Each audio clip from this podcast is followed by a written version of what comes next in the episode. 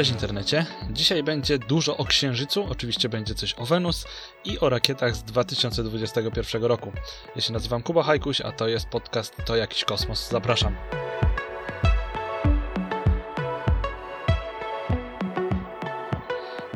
Z trzech firm, które przygotowują dla NASA lądowniki księżycowe, te załogowe lądowniki, czyli Human Landing System, zaprezentowały makiety tych lądowników. Są to firmy Dynetics i Blue Origin. W przypadku Blue Origin nie ma tutaj większego zaskoczenia. Jest to dokładnie to, co już od dłuższego czasu y, pokazywano w wizualizacjach i jest to koncepcja taka powiedzmy klasyczna, jeżeli chodzi o lądowanie na Księżycu załogi. No czerpie to najbardziej właśnie z tego lądownika księżycowego programu Apollo. Oczywiście jest tam też e, w tym lądowniku Blue Origin trzeci moduł, który ma pomóc zejść e, z tej dużej orbity okołoksiężycowej na niską orbitę. Tego nie było w przypadku programu Apollo. Tutaj musi być. No i dalej, dalej są dwa moduły. Jest ten moduł zejścia, który ma posadzić to wszystko na powierzchni Księżyca e, i potem moduł powrotny, e, ten moduł wznoszenia, który ma razem z załogą wrócić na wysoką orbitę e, wokół Księżyca. I tak jest w przypadku Blue Origin. Dynetics to jest coś, co dość mocno intrygowało z tego względu, że ten lądownik wyglądał od początku dziwnie, bo on jest taki szeroki dość na boki, a w miarę niski. I zastanawiałem się, kiedy to pokazali chyba rok temu, tak? no nie cały rok temu, kiedy to zaprezentowali, e, zastanawiałem się, jakim cudem oni to e, upchają pod owiewkę, bo jedynym takim sposobem wydawało się, żeby to, no nie wiem, na jednym boku y, do adaptera w rakiecie umieszczone, no w taki sposób się zmieściło pod owiewką. No i rzeczywiście tak, tak chcą to zrobić, to nie będzie, nie wiem, jakieś takie urządzenie, które będzie się w kosmosie rozkładać, więc tak to poleci na orbitę. Bardzo fajne funkcje ma ten lądownik, y, bo to jest taki jakby stelaż, pod którym na środku jest podwieszony ten moduł załogowy. Dynetics pokazał filmy, jak to może pracować e, na Księżycu i w tym miejscu, gdzie jest ten moduł załogowy, można zamontować moduł załogowy, który ma no, dosłownie koła i na czas operowania na Księżycu może się zmienić e, w łazik, albo e, może to być taki moduł mieszkalny, który wysyła się na Księżyc, żeby już tam został i właśnie posłużył jako taki habitat, może jakieś laboratorium, e, a może więcej takich rzeczy można wysyłać tym lądownikiem na Księżyc, więc to jest bardzo ciekawe rozwiązanie. I na początku, kiedy wyłoniono tych trzech dostawców dostawców, potencjalnych dostawców, czyli właśnie Blue Origin, e, Dynetics i SpaceXa, to wydawało mi się, że no, Dynetics będzie tym, który potencjalnie może odpaść najszybciej, bo Blue Origin zrobił taki team właśnie z Lockheed Martinem, Northrop Grummanem, e, z Draperem, firm, które no, w tym, tej branży kosmicznej są bardzo mocno osadzone i tak naturalnie wydaje się, że będą jakimś faworytem w tym wszystkim. A ten Dynetics to, no tak tam się pojawił, pokazał jakiś ten swój koncept. Jeszcze gdzieś tam w tle się przewija przejęcie Dynetics, bo ta firma została kupiona przez inną korporację. Ten, ten pierwszy pokaz tego lądownika to był właściwie wyciek. Firma tego oficjalnie nie powiedziała, że bierze udział w tym programie, tylko e, jeden z podwykonawców się wygadał.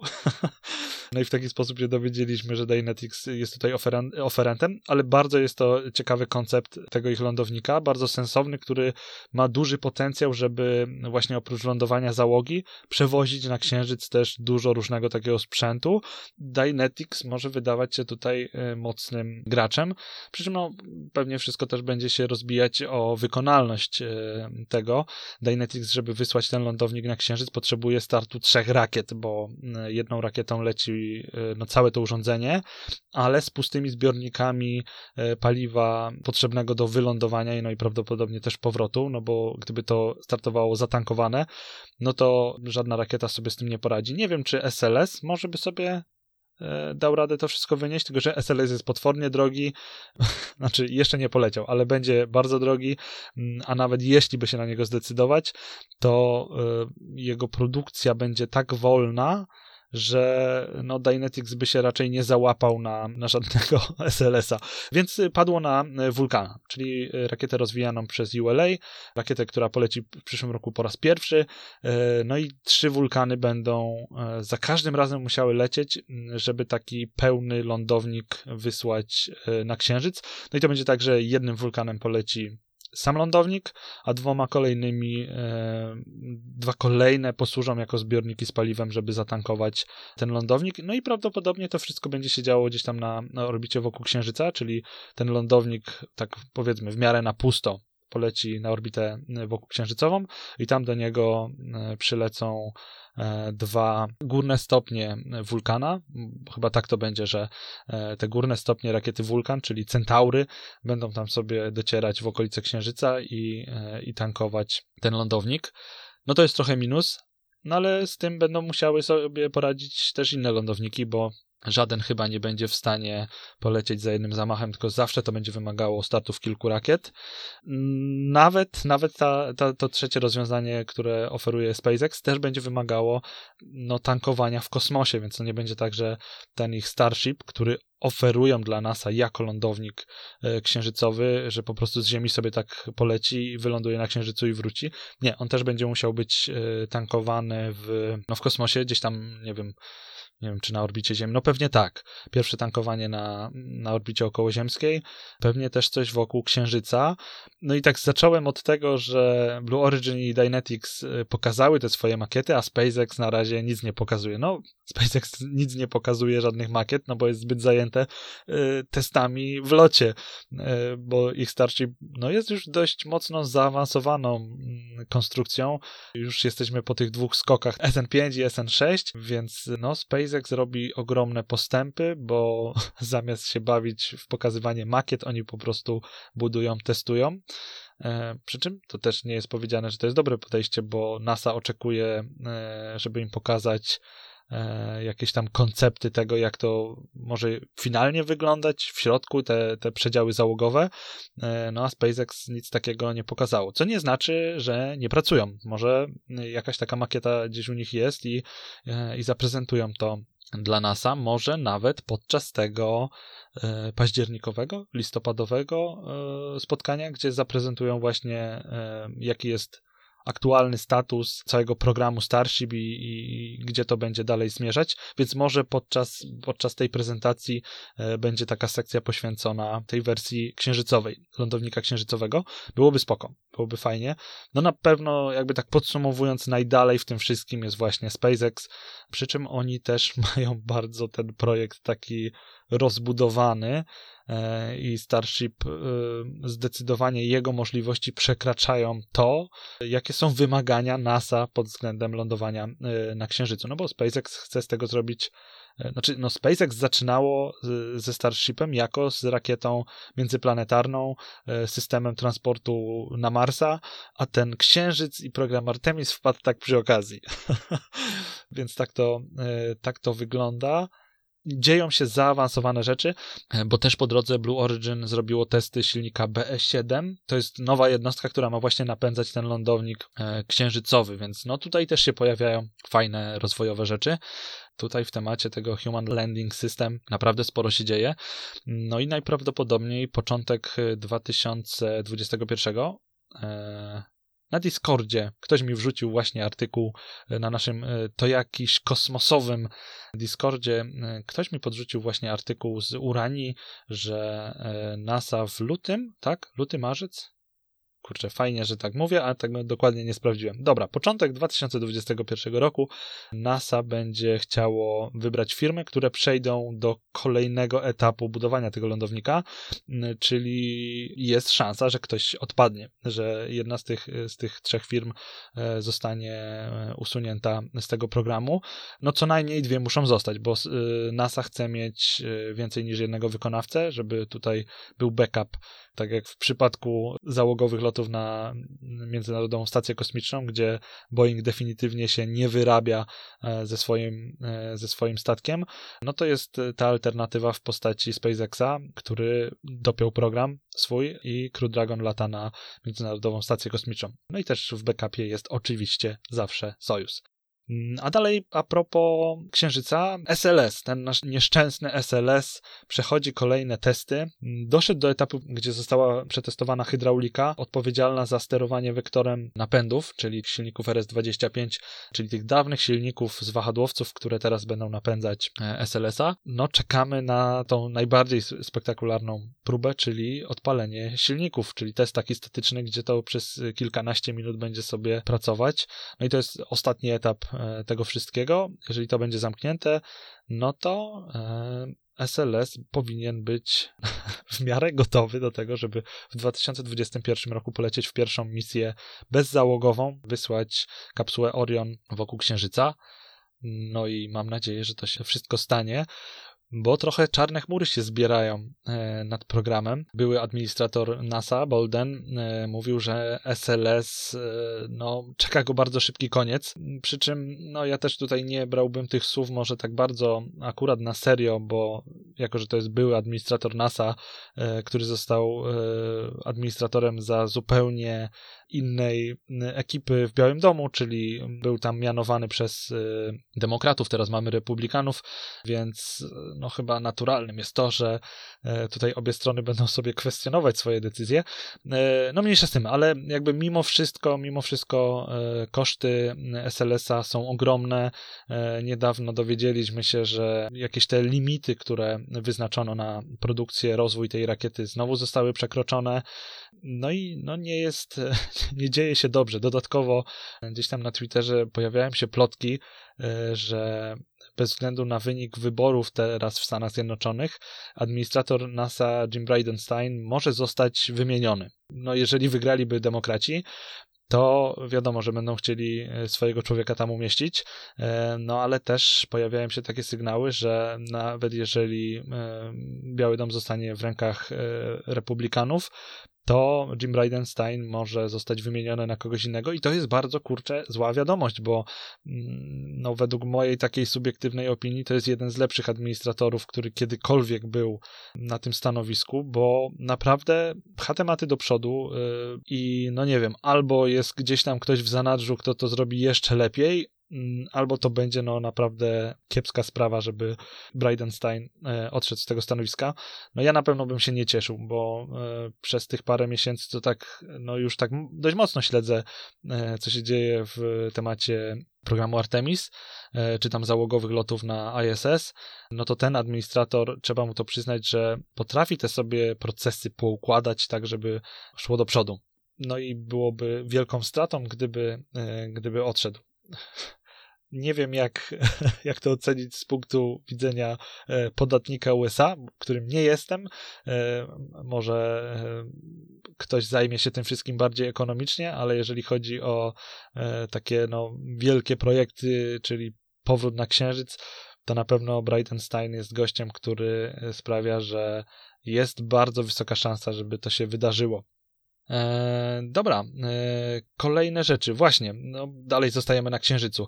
ESA wrzuciło e, tweeta, że budują trzeci moduł serwisowy dla statku Orion. Bo też tak dla przypomnienia, w tym programie Artemis załoga leci do Księżyca kapsułą Orion, budowaną przez Lockheed Martina, ale moduł serwisowy, ten przedział serwisowy dostarcza Europejska Agencja Kosmiczna. To jest przerobiony napęd ze statku towarowego ATV europejskiego.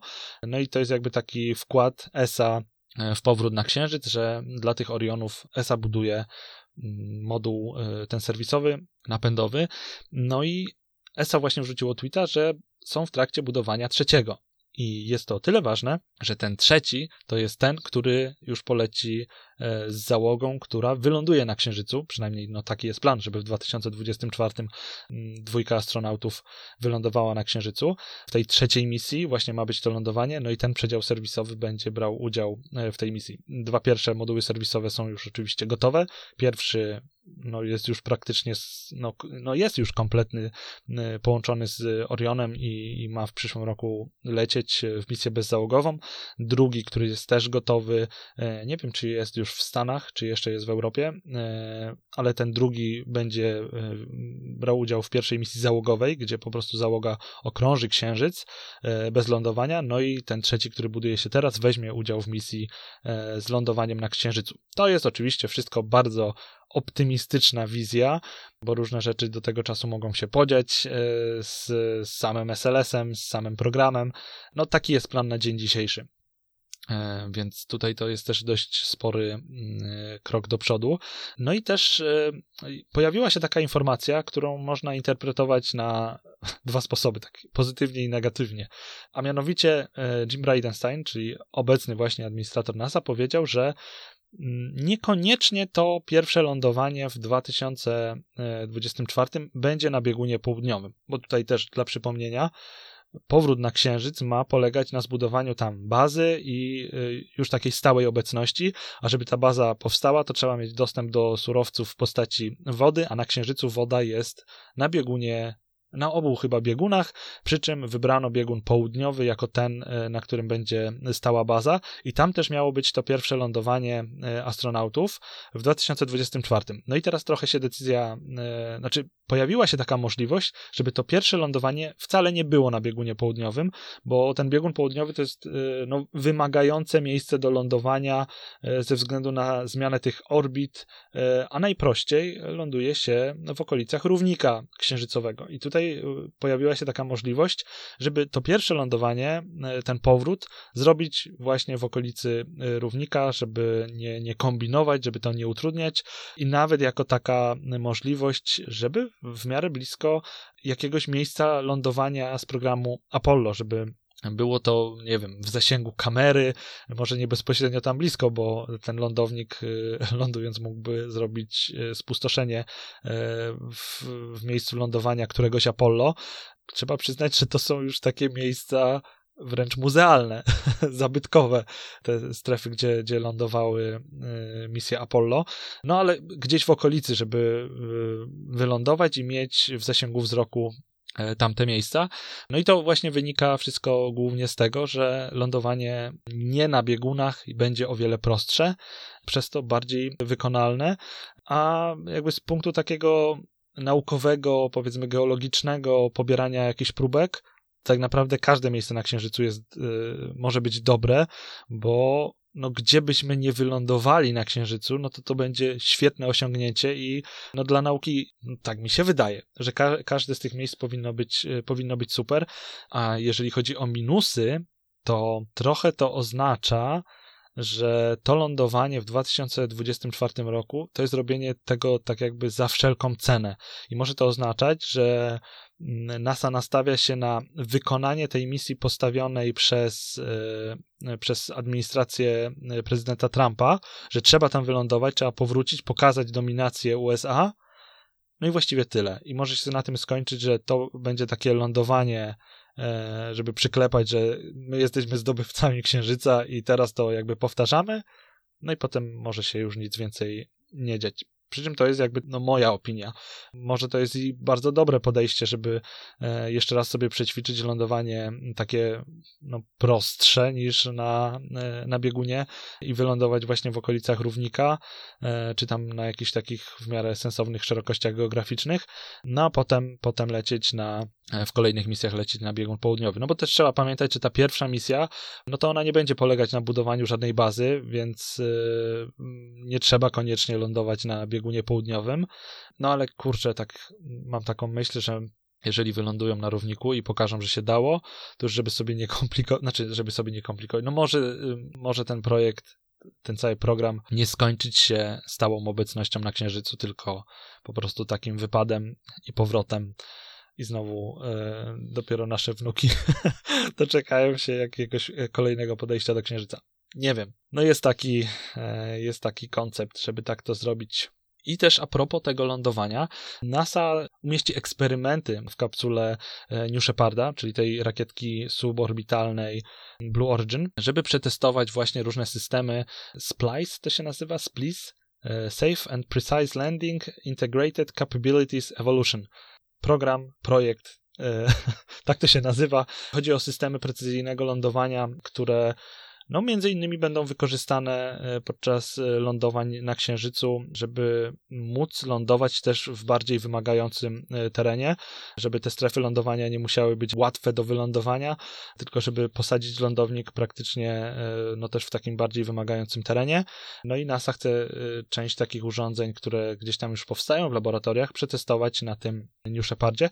I to jest spoko podejście, bo no, New Shepard właśnie można powiedzieć, że spadając na ziemię z powrotem, odtwarza trochę sytuację, w jakiej jest e, jakiś tam lądownik księżycowy. Znaczy, oczywiście tutaj chodzi o rakietę New Shepard, bo kapsuła spada na spadochronach, więc w sumie to ja tak powiedziałem, że te urządzenia będą w kapsule, ale niekoniecznie muszą być w kapsule, bo może będą umieszczone w tej części rakietowej. Nie wiem, może i tu, i tu. E, mniejsza z tym. Na pewno jakby to też jest bardzo dobra informacja, że e, takie testy trwają. To znaczy, że no coraz więcej zaawansowanych tematów dzieje się w kwestii powrotu na Księżyc. Dobra, tyle tego Księżyca. Nie wiem, czy słyszeliście, bo normalnie wszędzie to było, że na Wenus coś znaleziono, i postaram się nie powiedzieć tego, co wszystkie y, clickbaitowe nagłówki mówią.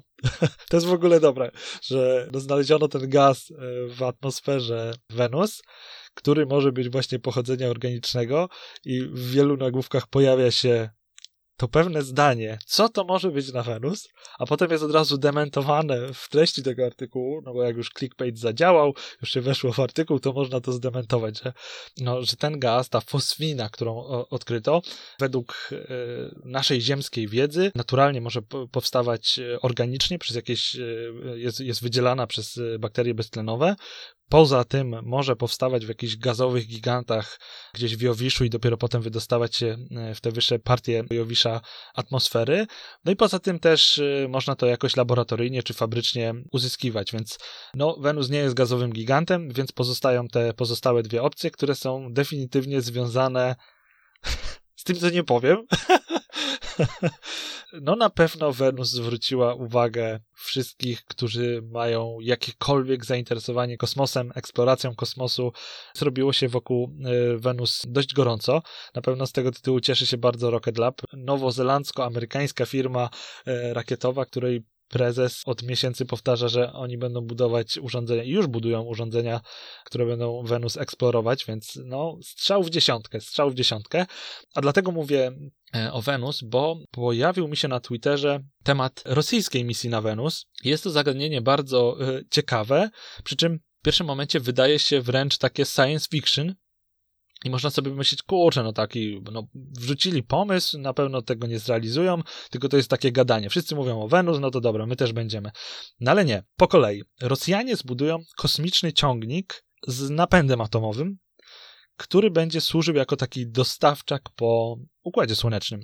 Czyli zapakuje się na niego ileś sąd i on sobie będzie e, latał po Układzie Słonecznym i to wszystko rozwoził, a dzięki temu, że będzie miał ten napęd atomowy, to będzie miał jakiś absurdalnie duży impuls właściwy, więc to delta V, którym będzie dysponował, czyli tą możliwością zmiany prędkości, czyli nie wiem, właśnie dotarciem w najróżniejsze miejsca Układu Słonecznego będzie miał e, właśnie bardzo duże możliwości tego.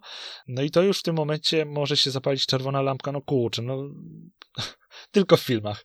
Ale prawda jest taka, że wiele tych rzeczy jest już testowanych i Rosjanie rzeczywiście pracują nad y, tymi komponentami, więc nawet jeżeli finalnie y, ten kosmiczny atomowy ciągnik nie powstanie, to przy okazji powstanie bardzo dużo różnych takich technologii, yy, zostanie mnóstwo rzeczy przetestowanych i to nawet jakby z tego, z tego punktu widzenia to jest bardzo cenne, bo ta misja, która ma wyruszyć gdzieś w 2030 roku, no horyzont czasowy jest duży, 10 lat, no ale okej, okay, no ma się składać właśnie e, z tego przedziału napędowego e, atomowego i na ten, ten przedział towarowy można umieścić kilka sond i no w tym momencie koncept jest taki, żeby wysłać sondy księżycowe, potem udać się właśnie na Wenus, a z Wenus skorzystać właśnie też z asysty grawitacyjnej i potem e, polecieć na Jowisza, żeby tam zostawić jakieś ładunki.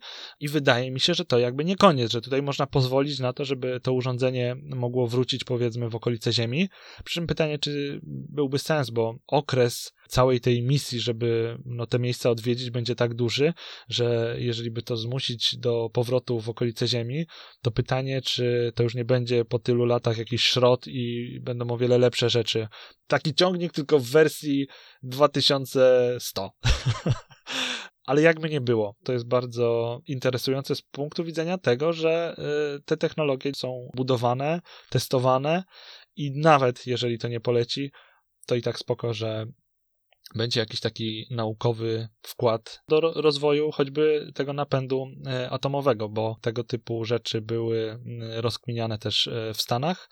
Wydaje mi się, że to się nazywał e, program Orion. Nie mylić z tym Orionem, który jest kapsułą księżycową, znaczy, która poleci w stronę Księżyca, gdzie też właśnie ładunki i załogi lecące na Marsa miały korzystać z tego napędu atomowego spoko. Byłoby, byłoby fajnie za naszego życia e, tego typu technologie e, zobaczyć. Byłoby to zupełnie coś nowego, no bo mamy napędy te chemiczne, które startują z Ziemi, mamy napędy jonowe, które są instalowane w satelitach, a napęd e, atomowy, no to byłby, to byłaby zupełnie inna bajka. Więc tak w temacie Wenus. A też, też kurczę, tylko nie, nie zapisałem sobie nigdzie linka. E, widziałem właśnie taki koncept rosyjskiej misji na Wenus, żeby wysłać, e, no wiadomo, najpierw leci jakaś kapsuła, która e, spada na powierzchnię Wenus.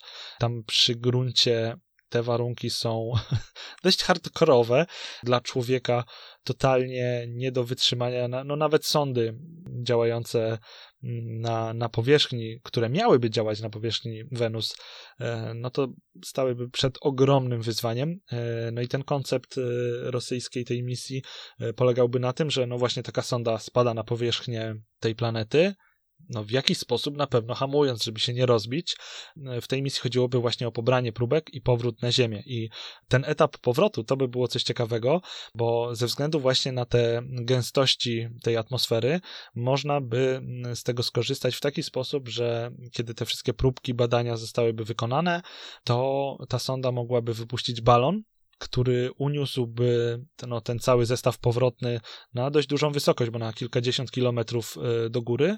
No i ten zestaw powrotny, podczepiony pod tym balonem, mógłby się wystrzelić z powrotem w kosmos, na orbitę Wenus i nie wiem, tam być przez coś przechwycony, albo w zależności od tego, no, jakimi możliwościami by sam e, dysponował, czy, czy wrócić bezpośrednio na Ziemię. Nie mam pojęcia na jakim e, etapie wykonania to jest, czy to jest po prostu pomysł, czy nad tym się pracuje. Tego typu rzeczy będą nam teraz wyrastać jak grzyby po deszczu w związku z tym, że ta fosfina została e, wykryta na Wenus i bez względu na to, czy, czy ona jest rzeczywiście została przez, e, ma, ma jakieś pochodzenie takie organiczne, tak jak na Ziemi bakterie to produkują, czy odkryjemy po prostu zupełnie nowy mm, sposób uzyskiwania tego gazu. Jakby nie było, dla nauki na pewno jest to mega fascynujące e, i wartościowe czegoś takiego się e, dowiedzieć. Okej, okay. Mamy za sobą Księżyc, mamy Wenus, to teraz jeszcze takie podsumowanie e, rakiet z 2021 roku. Tory Bruno podzielił się na Twitterze taką informacją. W ogóle to jest, no to jest szok. Powiedział, że na dzień dzisiejszy Wulkan, rakieta, która jeszcze nie istnieje, ma już sprzedanych około 33 starty. To jest jakaś absurdalna liczba, bo e, patrząc jakby na ilość startów, jakie firmy realizują, to to nie jest perspektywa roku, tylko to jest już e, na kilka lat mają zamówień, a jeszcze ani razu nie polecieli. E, przy czym no też trzeba mieć świadomość tego, że tutaj większość tych startów to jest uwzględnione, to są uwzględnione starty związane z tym e, zamówieniem Departamentu Obrony USA, czyli tego programu, który wybrał właśnie Vulkana i Falcona Heavy do wynoszenia e, ładunków militarnych.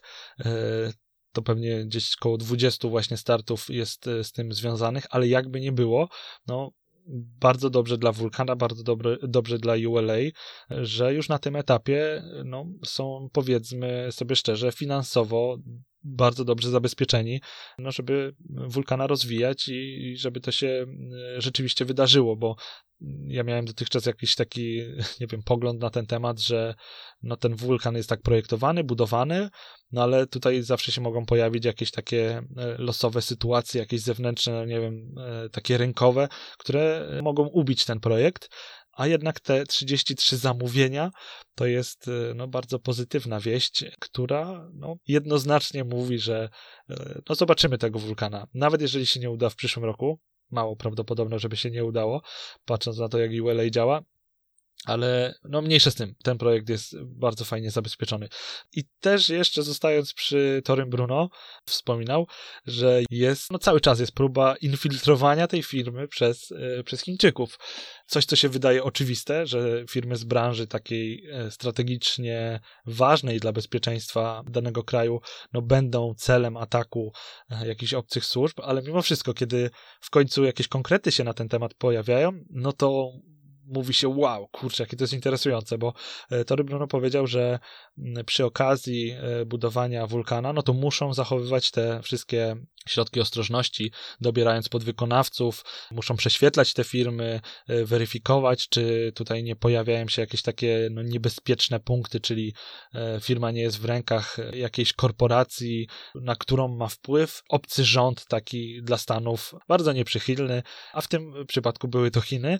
No i okazało się, że jeden z dostawców obrabiarek sterowanych numerycznie nie wiem, czy ta firma sama nie miała świadomości, ale w, w, pewnym momencie ich y, największym udziałowcem tej firmy stała się korporacja chińska. No i tutaj e, ULA musiało zerwać e, z tą firmą współpracę i poszukać alternatywy, bo o tyle to było niebezpieczne, że software sterujący tą obrabiarką właśnie pochodził z Azji.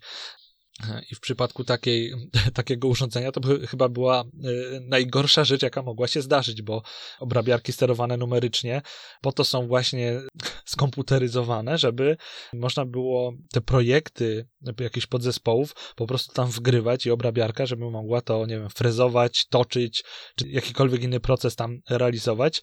No i do tej obrabiarki jest wgrywany faktyczny y, model trójwymiarowy jakiegoś tego komponentu, a jeżeli się okaże, że ta obrabiarka ma jeszcze jakąś łączność z internetem, no to producent potencjalnie może umieszczać tam jakieś złośliwe oprogramowanie, które takie informacje, takie projekty będzie wyciągać i przesyłać gdzieś, gdzie nie powinny trafić.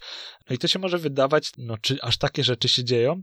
No i niestety, ale tak, dzieją się i służby naprawdę potrafią rozkminiać takie rzeczy, że filmy science fiction czy jakieś filmy akcji czasem nie są tak kreatywne jak cyberprzestępstwa, e, które się, które się dzieją, bo do głowy mi przychodzi taka, taka sytuacja sprzed lat, gdzie e, irański program atomowy e, został właśnie zaatakowany przez wirusa, komputerowego, który uszkodził tam jakieś urządzenia laboratoryjne, które były wykorzystywane przy robieniu czegoś z uranem rząd izraelski, znaczy e, agenci izraelscy napisali wirusa, którego po prostu wpuścili w sieć, licząc na to, że on prędzej czy później je, w jakiś sposób zostanie przeniesiony na te komputery tego, tych laboratoriów irańskich.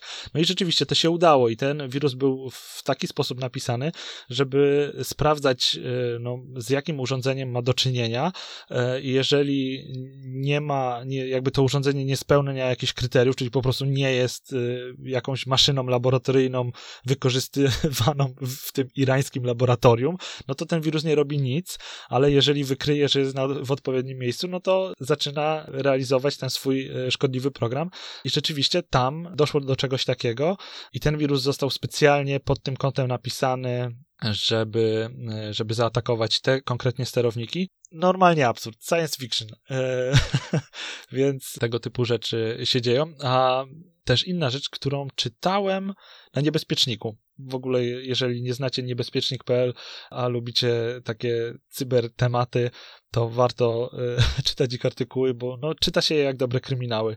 Tam też y, był kiedyś artykuł, no już jakiś czas temu, o tym, że właśnie w USA nie wiem, Pentagon czy inna z tych agencji y, sprawdzała podzespoły komputerowe takich zwykłych PC-ów, które trafiają y, do biur związanych z wojskiem, z bezpieczeństwem, no bo chodziło o wykrywanie takich komponentów produkowanych w Chinach, które mogłyby zagrażać bezpieczeństwu narodowemu USA.